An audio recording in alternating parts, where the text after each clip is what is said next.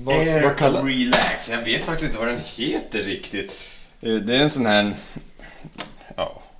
Pressurized massage, tror jag kallas för. Så man drar på som, som två ben? Som, Som två stycken ljumskhöga stövlar med eh, ma- blodtrycksmanschett i princip. Och sen trycker man på så Sen sätter man på den så.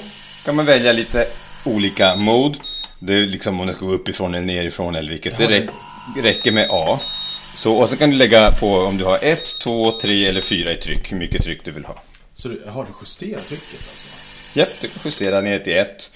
Och det är 20, ja du vet kanske blodtryck, men det är 20 mm kvicksilver, 40 mm kvicksilver, 60 mm och ända upp till 100 mm kvicksilver tror jag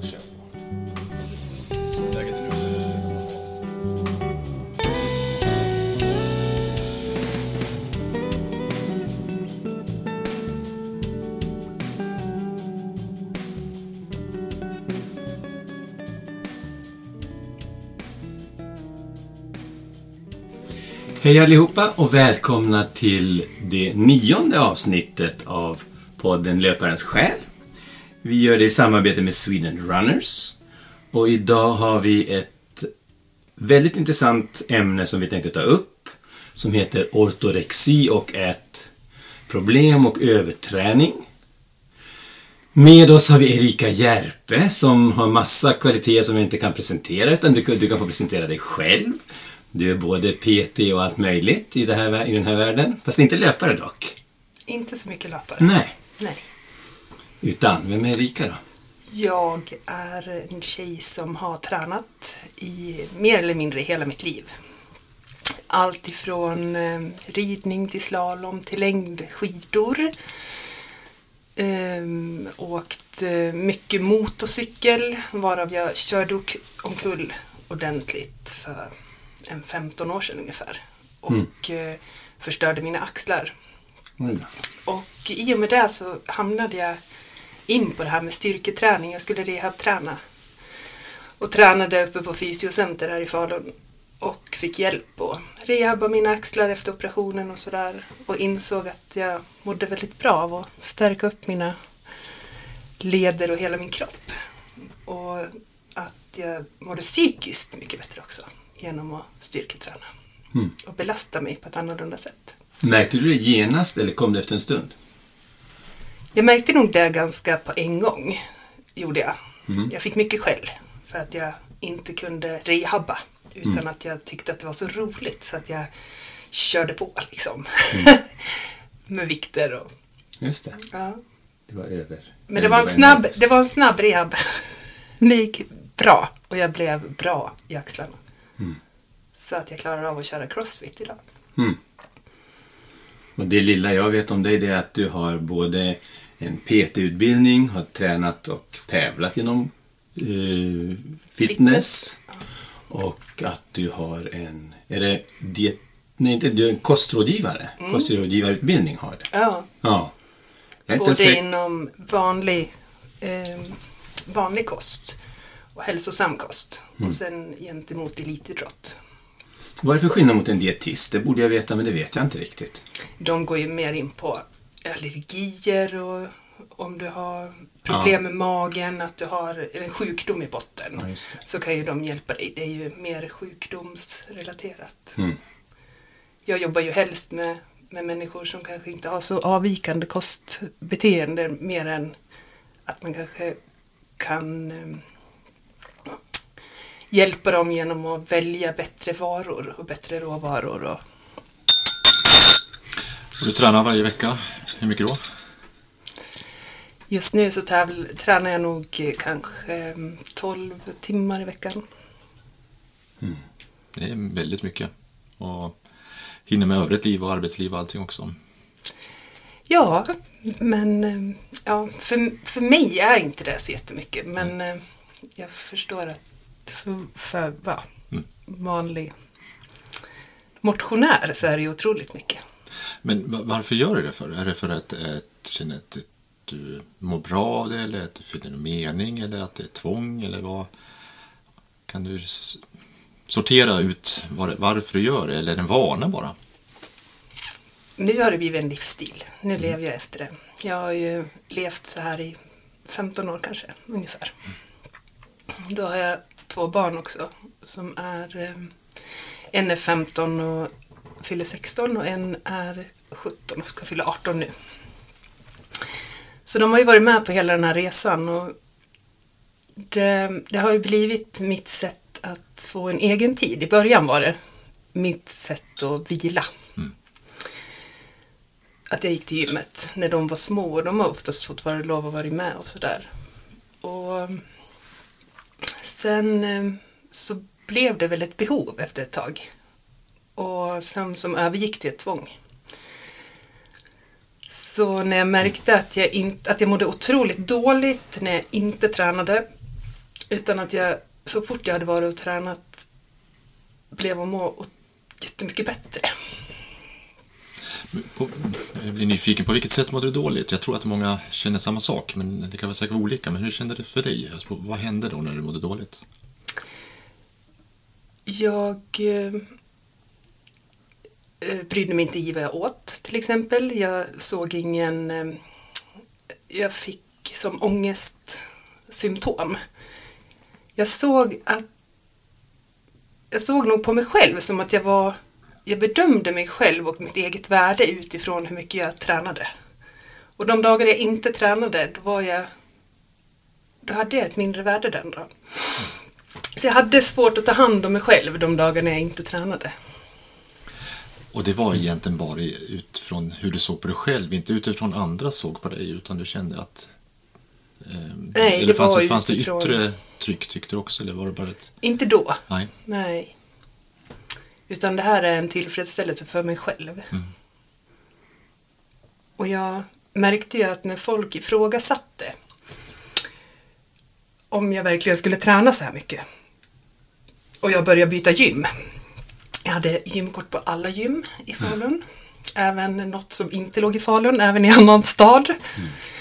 Så eh, kunde jag träna en timme på morgonen på Actic och en timme på STC. Sen kunde jag åka till Borlänge på Friskis och Svettis och träna där. Plus att jag kunde träna lite på jobbet på, på lunchen. Eller sticka ut och springa. För då kunde inte folk, människor runt omkring mig koppla ihop att jag tränade så mycket utan de tänkte nog att jag bara tränade den gången. Det var inget jag flaggade med på social media.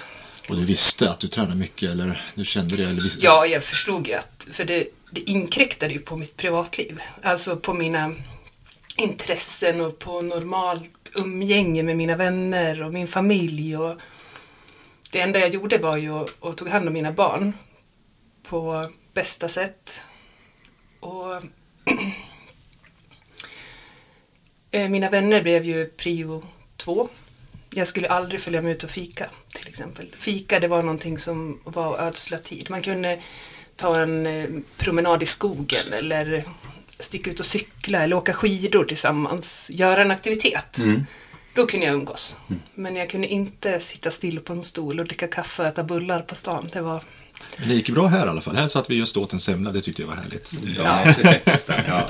Men nu är jag, nu annat läge, otroligt mycket bättre. Ja, Ja, men visst. Ja. Och, och den, den biten är viktig också, som sagt. Ehm, det är gemenskapen. Det jag tycker är så spännande eller intressant, det är att vi som springer mycket, umgås mycket med folk som tränar. Det är så vanligt att jag träffar på folk som man väl, väl lär känna dem, att det kommer fram att de har olika ätfixeringar, om vi kallar det för det. Och det är väldigt ovanligt att man pratar om det. Ehm, Så därför tycker jag det är viktigt och bra att ta fram det ljuset, för det drabbar väldigt många.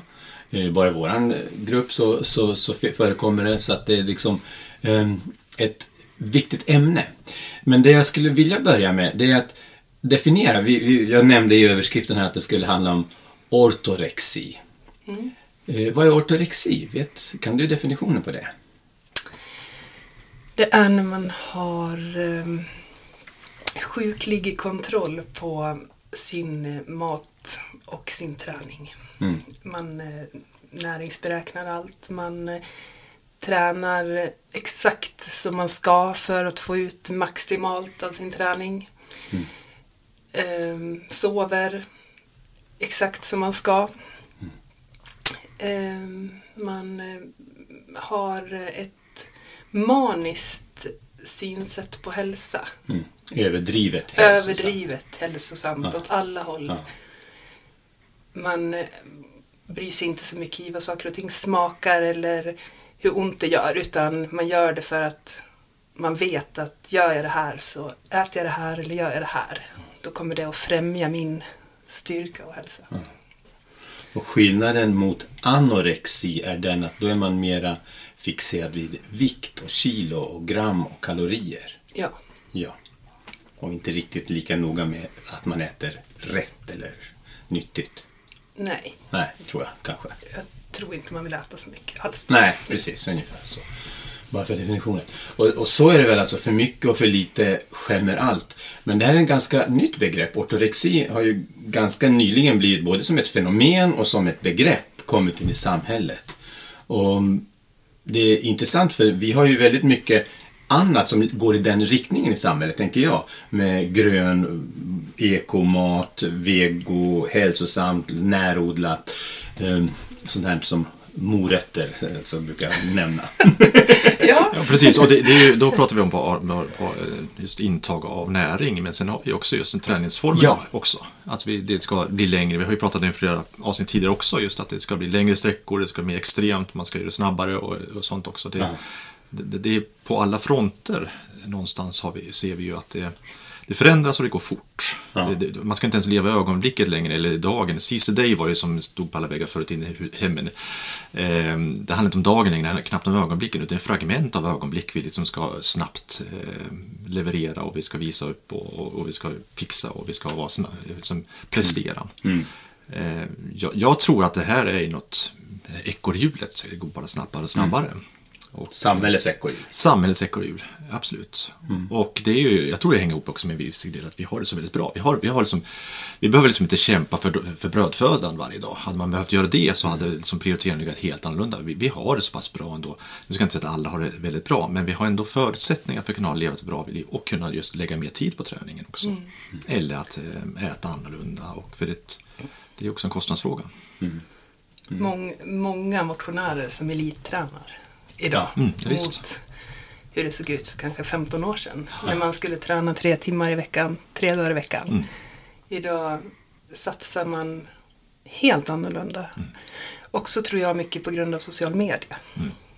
Du tror att den spelar in? Absolut. Mm. Eh, det märk, märkte jag ju själv.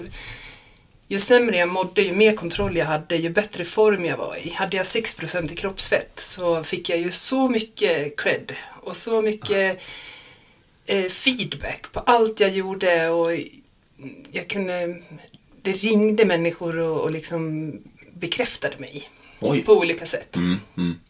Och jag blev erbjuden eh, sponsoravtal och jag blev erbjuden, alltså jag fick så mycket uppmärksamhet när jag var som sämst i skick egentligen. Ehm, till skillnad mot när man mår bra och har kanske en normal eh, fettprocent på kroppen runt 20 när hormoner fungerar och hjärnan funkar som den ska och, och sådär. När man får all den här credden och man är i, i så låg status i kroppen egentligen så, så blir man manisk också av att hålla i det där. Man kan inte släppa det för jag vet att om jag låter det bära iväg nu så kommer jag tappa också all den här credden. Folk kommer inte tycka att jag är lika duktig. För jag fick ju, man fick jättemycket tillbaka. Men det, det är ju en paradox. När du mår som sämst så får du som mest uppmärksamhet. Ja. Och då, det måste ju slå slint i huvudet till slut. Alltså, men men okej, jag mår inte bra, men alla andra tycker att det är fantastiskt. Ja. Att jag är fantastisk Ja, som att du klarar ja, av att göra det precis, här. och sponsoravtal. Och och jag tycker det tycker jag är spännande att se i sociala medier just nu. Jag tycker var och varannan har någon sorts sponsoravtal eh, Ja. Mm. som, som tränare. Och man, är- man har, och jag tänker, ja, jag vet inte, ibland funderar jag på, är det, är det di- dit vi ska jaga efter att bli sponsrad? Och det är klart att det är roligt och, och det är en uppmärksamhet också. Att man blir uppmärksammad på det viset. Men, men eh, Men för rätt saker tror jag. för rätt sak, precis. Ja. Ja. Och att man kanske ska se lite bakom individen Mm. som man väljer att, att snappa upp. Men i den här situationen då, som sagt 6% eh, fett, det är ju sjukt lågt. Eh, var det någon som ropade och sa någonting annat? I sociala medier? Eller fick du, någonting, fick du höra någonting annat? Eller var det någon som frågade hur, hur mår du? Nej, vet du, och jag tror inte att jag såg dem. Mm. Jag, jag valde nog att se förbi dem som, som försökte bromsa eller försökte stoppa upp. Eller... Och min familj, de visste ju att jag tävlade. Och jag manipulerade ju dem stort. Jag läste i Stockholm, jag hade gått Pauluns närings eh, nutritionsutbildningar och de tänkte att jag höll på att testa allt det här som jag hade läst och jag var så intresserad och jag levde efter det här och de stöttade ju mig i det här. Mm. Medan jag innerst inne själv visste hela tiden att eh, skulle inte hålla hur länge som helst. Träna jättemånga timmar varje dag och ha 100% kontroll på maten och försöka vara en fungerande människa i vardagen mm. också. Så inte ens den närmaste såg det? Nej, jag har inte haft någon närmaste. Nej. Jag har isolerat mig Ah, med mina barn, kan Mm. jag säga. Mm. För att ingen ska heller titta in. Mm. För så blir det. Men där tror jag inte du är unik. Alltså vi, vi, eh, I vårt samhälle ska vi klara oss själva. Det är någonting bra. Att vi, vi klarar oss själva. Ensam är stark. Det finns ju. Vi, alla ska vara någon sorts Robinson Cru- Crusoe. Att vi klarar oss själva på vårt öde. Liksom det, vi är, och, och det här är ju någonting som jag tror är jättefarligt med tanke på att vi är sociala varelser. Vi behöver ett sammanhang. Vi behöver människor som ser oss. Vi behöver en familj. Hur nu familjen än ser ut så behöver vi den biten. Men samtidigt så finns den här signalen om att vi är Alltså ensam är stark, eller att du, du kan klara dig själv och det enda du behöver är att systemet stöttar ju också för ensam eh, och klara dig själv. Ja. Och att allting annat behöver stå i vägen. Mm. Fira jul, fira påsk, äta påskmat. Du hade ingen kontroll på vad som det innehöll. Alltså, då var det bättre att jobba. Alltså, Jag, jag tar åt mig extra och jobbar över påsk så Jaha. slipper jag äta påskmat. Nej, Ja, men, Just det. ja, och då kan jag Ja. också åka och träna utan att någon funderar på vad jag gör. Och det där är farligt för det där kan man driva en ganska lång väg, ganska lång stund. Både tills man blir ensamt och tills man går ner så ordentligt i mående och i, och i vikt och sådär. Det, är ett, eh, alla, ett eh, varningstecken i beteende när man börjar dölja, tänker jag. När man börjar dölja sina problem. Ja, och jag anmälde mig till tävlingar för att jag... Inte för att jag ville tävla. Nej, Jag har aldrig tävlat för att jag, jag, jag tycker inte om att tävla. Jag är ingen tävlingsmänniska. Nej okej. Men det fanns ju en anledning. Om jag, om jag anmäler mig till en tävling så kan jag visa upp att jag har ett mål och det är därför jag beter mig konstigt. Det är därför jag beter mig annorlunda. Det är därför jag väljer att avstå vissa saker. Det är därför jag måste sova mina 8-10 timmar per natt. Jag hade det hela tiden som en ursäkt för att kunna fortsätta min sjukdom. det var, det var liksom en yttre förklaring till ditt, ditt varför. Det Alltså, var jätteenkelt att ta till det. ja, Smart. Om man får säga så. Alltså, Ja. det, för att det, det är klart man Ja. tänker så, som vi som ser, ja men just det, hon tränar för det. Ja, Det är klart. och det gick bra också. Ja, Ja. När jag väl klev upp. Liksom. Ja. precis. Jösses. Men du kände att det inte skulle hålla, kändes det. Så det var något i dig som gnagde och sa att det här var fel ändå. Mm. Vad var det som hände slutligen sen då? Som gjorde att det inte höll? Det som hände var att eh, dels fick jag under ett crossfit-pass så fick jag, drog jag på mig ett ordentligt diskbråck i ryggen. Så att jag tappade min, mitt vänsterben. Och fick eh, gå med gåbord och, och ligga på ortopeden ett tag. Eh, och då började jag väl tänka tanken om att tänk om jag inte kan träna igen. Eh, vad ska jag göra då? Paralympics liksom. Så här, ja, det kanske. Ehm, men sen märkte jag också att när jag låg där inlagd och när jag kom hem och jag var tvungen att, att, att ta tag i, i rehabträningen med det så hände det inte så mycket med kroppen. Det blev inte så stor förändring som jag hade trott att det skulle bli. Jag trodde att jag skulle gå upp 15 kilo på två veckor, att jag skulle tappa allt, jag skulle bli sjuk, jag skulle få ont. Och ingenting av det där hände, utan jag läkte och jag blev starkare. Men ändå så hade jag den här, eh, det här spöket kvar i huvudet om att jag inte var gott, det var inte gott nog med det lilla. Ehm, att jag skulle träna tre dagar i veckan. Eller att jag skulle rehabträna varje dag en timme. Utan jag skulle tillbaka till det här att eh, träna både morgon, middag, kväll. Ehm, sen började jag få otroligt ont i knäna och i handleder, armbågar, alla leder för något år sedan. Och då var jag uppe i jättehög eh, träningsdos. Då tränade jag hela tiden och så jobbade jag dygn på mitt jobb som jag jobbade på då. Så jag jobbade bara sju dygn i månaden plus några strödagar. Så jag hade alla förutsättningar att träna när barnen var i skolan. Så, så efter diskbrocket gick du tillbaks till den här träningsmängden alltså? Ja, Ja. jag åkte till Egypten med diskbrock och gick i värmen där, för det här var på vintern. Så jag åkte till, jag flög till Egypten och gick där i en bassäng i tio dagar. Tills jag kunde sitta på planet hem. Och då började jag jobba heltid när jag kom hem. Och så körde jag igång som vanligt. Vi, vi pratar ofta om, om någon sorts identitetsbegrepp. Alltså, vilken, vem var du? Alltså, vilken var din identitet? Var det den som tränar jämt? Alltså, Det var du. Mm. Och när du inte var det, vem var du då? När du inte kunde träna på det viset? Ingen. För mig själv. Var jag. Har fortfarande otroligt svårt med det. Det är en hemskt tuff känsla. Så det här med relationer eller att jag skulle ha träffat en man var ju jättesvårt. Att någon lyfter på locket och tittar liksom, hur ser det ut inunder och vem är hon? För jag var ju den här träningen. Och, och mamman till två barn som ja, jag kan ha lite dåligt samvete över idag. Att jag försummade mycket men ändå gjorde mitt bästa för att upprätthålla liksom, de relationerna också.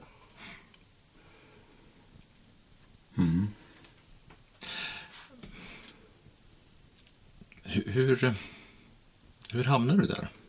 Vad var det som gjorde att du kom in i det beteendet? Alltså vilken... Var det att du började träna lite grann och så vart det bara mer och mer eller? Um, I, hur tänkte du? Ja, alltså att den extrema träningen du höll på med när, du- när du just det. Men det blir som alla andra missbruk. Man måste ha mer och mer för att få kicken. Mm. Jag var tvungen att träna mer och mer för att få den här tillfredsställningen i huvudet och känna det här lugnet att jag var gott nog. Nu har jag uppnått den här endorfinkänslan. Jag böt mycket träningssorter. Liksom. Jag kunde springa och då kunde jag känna mig tillfredsställd av det. Men till slut var jag tvungen att springa så långt så då fick jag ändå ingen tillfredsställelse. Då hade jag inte tid att springa så långt. Nej. Så då tänkte jag om jag springer först och sen kör jag crossfit. Så då sprang jag till gymmet och så körde jag ett hårt crossfit-pass och så sprang jag hem. Ja, men då fick jag kicken. Men på lite kortare tid. Och sen fortsatte det där. Backintervaller, gymträning, lyfta tungt, tunga marklyft. Jag, rodde, jag har rott eh, en eh, mara på roddmaskin. Jag har stakat en mara på stakmaskin. Och ja, men då, då får man ju kicken. Liksom. Men det tar ju så mycket kraft och så mycket tid. Jag kunde inte göra det varje dag. Så till slut eh, fanns det inte tillräckligt många timmar för att jag skulle kunna må bra. Mm. Så då var jag tvungen att söka mig hjälp för att få ordning på det här. Så idag medicinerar jag för att kunna känna mig stabil ändå. Och försöka liksom träna normalt då, eller i mina ögon normalt. Men det var du själv som kom fram till att du behövde hjälp? Det var Ja, ingen oh ja. Yttre Ja, man oh ja. eller släkting eller... Nej, nej, nej, nej. Det var jag. Ja. Mm. Och du hade inte... Du hade snarare själv en hjälp av din kostutbildning, tänkte jag säga. Absolut. Mm. Där pratar man inte någonting om överträning och, och felaktig kosthållning och, och så, eller? på? Jo, på utbildningen tänker Ja, du? jag Jo, tänker, ja. absolut, det Ja. gör man. Och man ska vara väldigt observant på de klienter man har. Om Ja, de har ätstörningar eller man ska vara observant på om de övertränar och att de får i sig tillräckligt mycket. Så i den professionen så hade du varit, på andra hade du varit uppmärksam? Och jag skulle aldrig ge andra samma upplägg som jag själv har gett mig själv. Nej, om man just säger det. Ja. Just det. Man tror också när man är i det här att man är något... Det är bara jag i hela världen som fungerar så här och det är ingen som kan förstå. Mm. Jag är ett unikum i universum som inte funkar som någon annan. Hade, hade man nå- något, på något vis kunnat liksom övertala dig att du, du är på fel spår? Eller det, det, du stängde av allting. Om, någon, om jag hade kommit till dig och sagt att nu, nu måste du lägga av, alltså, nu, nu måste du vila, nu måste du... Det hade jag tagit bort dig. Mitt Då hade jag inte funnits med i din... Okej. Raderat på Facebook? Ja, Hade du Jag blivit? vet! Ta bort det på mina sociala medier. Ja, Ja. precis. Nej då. Jag, jag tror Eh, att... Jag hade lyssnat, hade jag gjort. Och sen hade jag gått därifrån och tänkt så här, ja ja, det ordnar sig. Mm. Och sen hade jag inte brytt mig så mycket i det, tror jag. Jag tror om man ska försöka förmå någon att förändra sig så måste man komma i en sån väldigt nära relation så att man verkligen ser, nu gör jag situationstecken med fingrarna, så man verkligen ser Erika, ser personen, ser bakom alla de här fasaderna, maskerna och kommer åt dig. Och det är svårt nog men ehm, jag tror det, man måste komma väldigt nära för att kunna göra en inverkan en sån gång, tänker jag som en yttre bekant som Janne eller jag eller någon annan som du inte har släppt in nära dig hade inte kunnat komma åt och, beröra dig, tänker jag. Jag vet inte om jag tänker fel. Nej, du tänker ju helt rätt. Fast, eller inte helt rätt, för att ju fler människor som påpekade det, Mm. ju mer insåg jag att man kan genomskåda mig. Och att Ja, jag är tvungen att ta tag i det här, för jag kan inte fortsätta. För nu ser folk omkring mig även det här, att det har blivit tokigt. Mm. Men jag bad ju instruktörerna på gymmen till exempel att om jag kommer hit och ska träna på eftermiddagen idag så säg att jag inte får träna. Jag bad ju mina kompisar att ja, förbjuda mig att, vara med. För på morgonen när jag vaknade så hade jag ändå en intention om att jag inte skulle göra det här idag. Jag skulle inte träna så här många timmar, jag skulle inte ha kontroll på maten på det här viset, på det här maniska sättet. Utan jag fick träna en timme och så äta mina må- måltider. Men eh, i slutet av dagen då kompenserade jag ofta det där. Kom, kom ångesten i, tack, Ja. i kapp. Mm. Mm. Och då är man ju väldigt dålig i sina egna ögon. Då har man ju misslyckats. Och då kompenserar man det dagen efter eller i flera veckor efter. Alltså jag funderar på det här, det här är ju... Vi, vi, vi, vi kämpar ju alla med att liksom hitta någon mening med livet. Det här, det här är en existentiell fråga på något vis. I, I ditt fall så var det här existentiellt. Alltså det här är du, det är din identitet.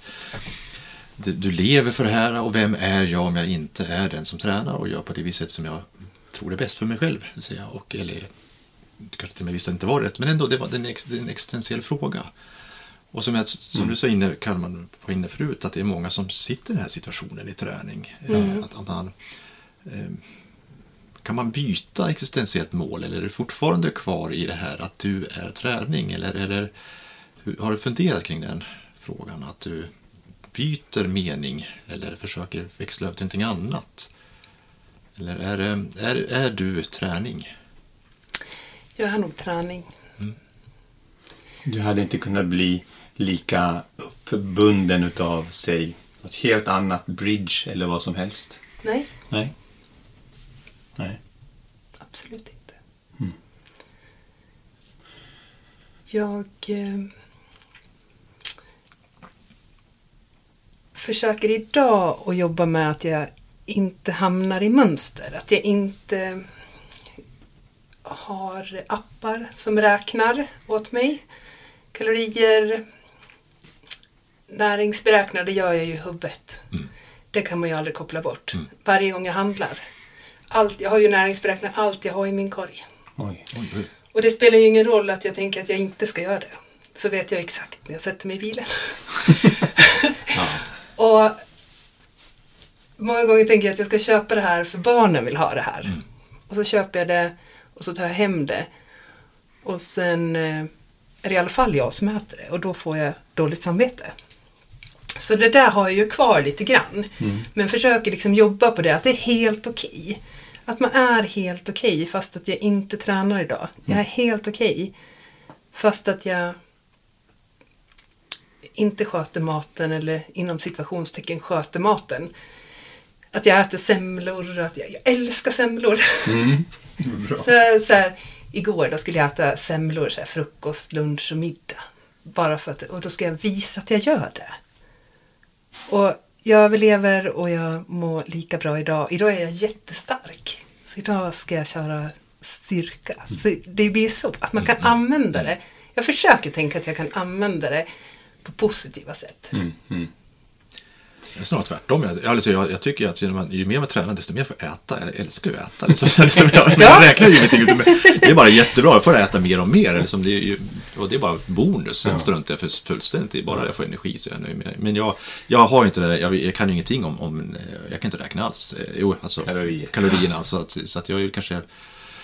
Kanske är befriad snarare, att jag slipper. Men får jag det. knyta an till din fråga om existentialism? Jag tycker det är viktigt. Fanns det någon aspekt, Erika, i din träning där du tänkte att du gjorde det här för att vara eh, frisk, leva länge, bli oskadad, osårbar, superhälsosam, alltså att du skulle försöka motverka kroppens nedbrytning, död, förfall och den delen av livet?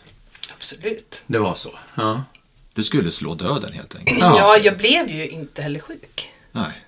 Alltså, Då, fick du kvitto på att Jag det var fick ju rätt. kvitto på att ja. det fungerade. Jag gjorde några sådana här blodanalyser också. Där man kollade mina näringsämnen i kroppen, om jag hade brist på någonting och sådär. Och jag slog ju allt. Man kunde ha 100, jag hade 98.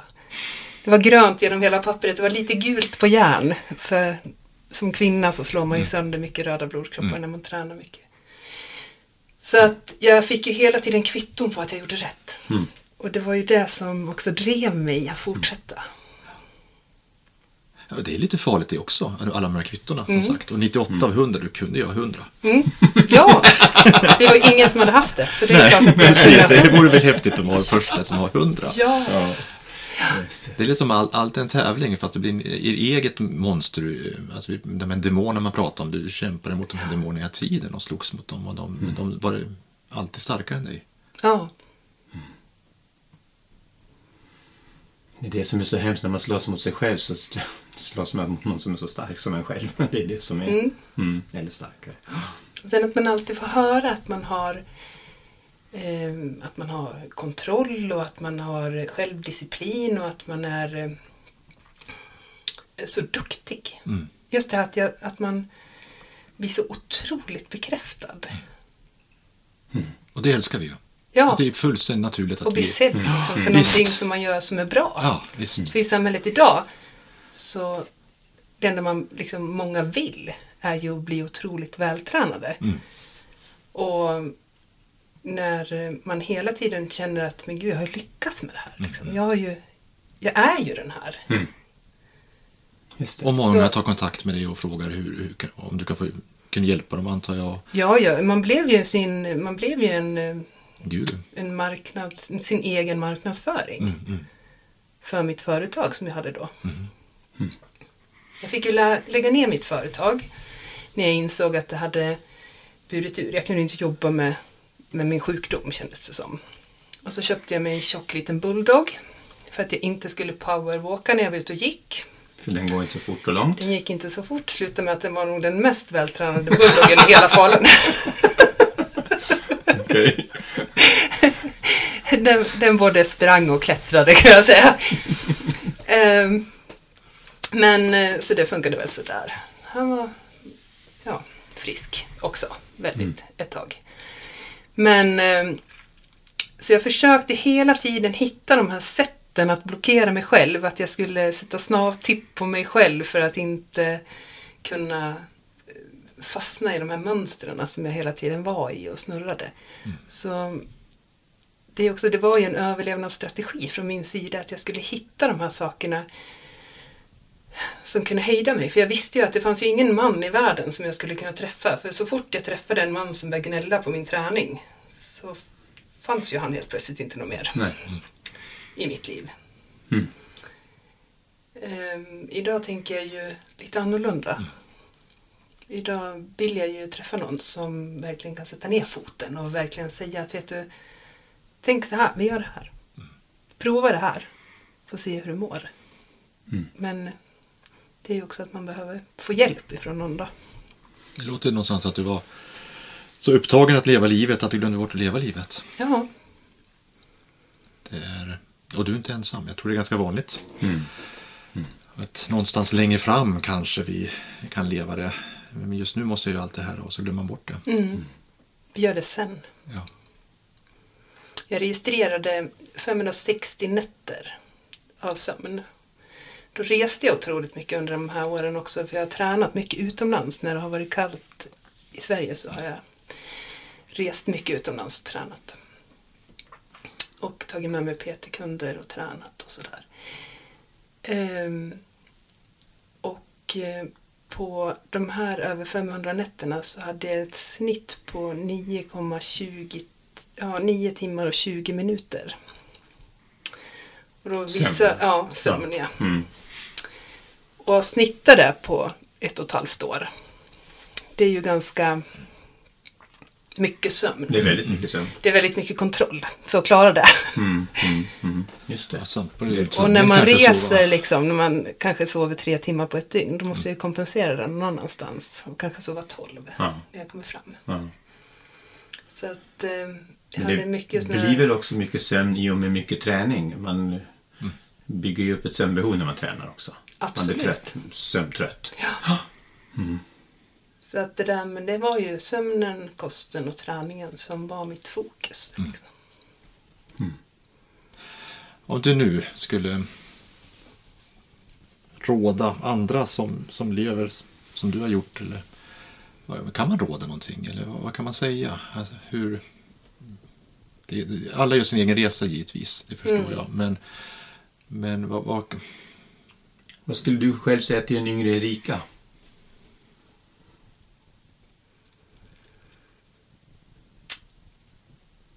Och om jag hade fått tagit tag i det här för många år sedan så hade jag tagit hjälp av... eh, Jag hade nog gått och fått hjälp inom psykiatrin tror jag. Om jag hade fått den hjälpen då. För jag ansågs ju inte som att jag hade någon, något problem. Men, eh, faktiskt hitta värdet i andra saker, i mig själv och inte i yttre, yttre saker som träningen blir. Det blir ju en, en yttre påverkan. Jag måste ju göra en handling för att få göra det här. Att man hittar en egen självkänsla och en, ett eget självförtroende i sig själv. Och inte saker som man gör, utan saker som man faktiskt är. Och inte... För det blir väldigt, det blir väldigt körigt när man ska uppfylla sin egen självkänsla och sitt eget värde med saker som man gör. det, det, är ju, det, här, det är ju ett varför vi är ute efter. Alltså att man vågar ställa sig själv frågan varför. Jag, Mm. eh, jag nämnde tidigare, jag, håller på att springa maraton varje dag här under sju dagar. Eh, och eh, la upp på Instagram och sa att jag, för idag var det motigt och jag, och jag fick lite pepp där. Men det var någon som frågade, ja, det är intressant, men varför? Ja. Och jag tycker det var, så, det var den bästa kommentaren jag fick av alla de här. Att jag fick fundera över mitt varför. Varför gör jag det här? Ehm, Och när man inte börjar, kan hitta ett varför, någon förklaring till sitt varför, så är det ju en liten varningssignal. Kan jag tycka. Eh, Jag gör det bara per automatik. eh, Eller att jag gör det för att jag inte vet, eller jag gör det på grund av andra tycker att jag borde göra det. Ja. Det är fel varför. Kanske. Men eh, så att eh, att leta sitt varför tror jag är viktigt för alla som har och kämpar som du har gjort och, och att man vågar faktiskt fronta sig själv. Ja. Men med det är det ju inte enkelt. Jag kommer ändå försöka slutföra mina sju dagar här, men sen därefter så är jag sjukt befriad att slippa springa maraton fler gånger. Eh, jag ser det, det är en kort period. Jag tror att skulle jag försöka ha som mål att springa ett år, ja, då hade jag legat, det hade varit farligt, Ja. ja. tror jag. ja. Nu är det bara ett test. Nej, men det är väl det som är filosofins bästa vapen, tycker jag. Frågan varför. Ja, svaren är ganska ointressanta egentligen. Eller, kan jag tycka. Svaret som jag försöker komma med och besvara, det är, är mindre relevant. Ja, det är mindre relevant kan jag tycka. Nej, då, det är många gånger viktigt. Det är klart vi ska ha ett svar på. Men, men, men, men i grund och botten så landar vi kanske i en annan fråga och det är frågan kring mening. Vad är meningen med mitt liv? Vad är meningen med mig? Vilken roll fyller jag i det här livet? Eh, och du fyllde en roll säkert för väldigt många som följde dig i sociala medier och liknande också. För de, du var ett föredöme och du, man såg upp till dig. Eh, sen kan man ifrågasätta om det kanske var en bra roll, men det var en mening för dig just då. Och den meningen tror jag, det, det är man brukar prata om att vi ska inte söka lycka, för lycka är flyktigt, det går snart över. Men mening är det vi ska titta på snarare. Och då- Meningen för mig var ju att jag skulle få den här lyckokänslan. Mm. Men den är så flyktig. Den är jätteflyktig, den går över jättesnabbt. Ja. Sen blev ju också det väldigt viktigt för mig att gå ut med det här budskapet när jag insåg hur dåligt jag mådde. För att Hur- hur- hjälpa andra. ja, hur gick det ut med det? Ja, då jobbade jag på STC här i Falun som personlig tränare och kostrådgivare. Och då började jag erbjuda föreläsningar en gång i veckan. Jag gick ut till många gymnasieskolor också som är där och tränar sina elever. Och mycket idrottsinriktade gymnasieutbildningar.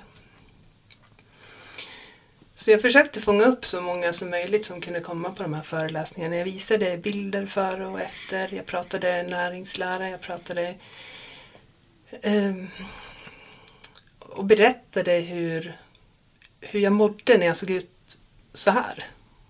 Och hur jag mår idag när jag försöker jobba liksom för hälsan och inte för att jag ska ja, jag vet inte vad jag, vad jag ska säga. Jag var väl hälsosam då också men på ett annat sätt. Idag försöker jag hitta en, en annan mening med min existens än att träna. Så om jag hittar dig på sociala medier, på vem ser jag då nu idag? Och det är bara träning. Jag försöker ju inte lägga ut mitt privata på Instagram och Facebook och så, utan jag är träning på Instagram och Facebook. Mitt privata, det vill jag hålla för mig själv. Så um, det råd jag kan ge till andra som är i samma situation är väl att eh, prata om det. Så fort du börjar prata om det kommer du upptäcka att du är absolut inte ensam. Ta stöd och hjälp av varandra. Finns det sådana grupper? Jag tänker här i stan. Nej, vet du, jag tror att det är jättedåligt. Jag har själv sökt jättemycket information och sökt poddar och jag har sökt eh, hjälp. Men inte ens sjukvården har hjälp för ortodoxi. För de kan inte se att det är ett problem, för man är inte, häls man är inte sjuk i sin hälsa. Nej.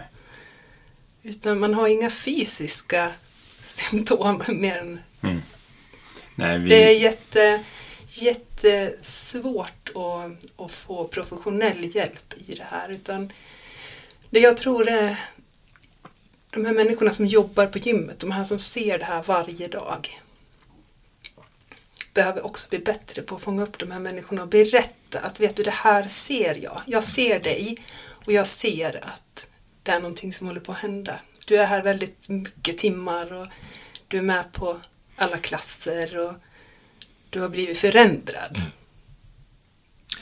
För jag tror att det är viktigt. Det är ingen annan som förstår det här förrän man är i det, så att säga. Nej. Och därför tror jag att man bör vara flera som pratar om det helt enkelt. Så att det, det är ju märkligt att det inte finns, det finns grupper, det finns det säkert i Sverige, som- grupper. Absolut, ja. Men, men det, det, jag tror att det, det är en dold fråga, precis som jag inledde med att vi inom prata om. sjukvården är jättedåliga på att bemöta sånt. Det är precis som du säger, det är helt, helt sant.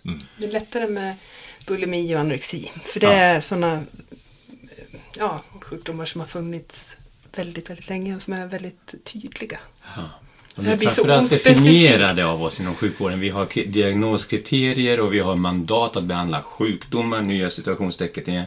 Eh, Medan det som faller utanför, eh, kan det vara något nytt som spelberoende eller ortorex- ortorexi eller nya andra fenomen som inte är definierade i vår värld. Det faller bort. Det är inte vårt ansvar, det får någon annan ta. Tyvärr. Jättetyvärr.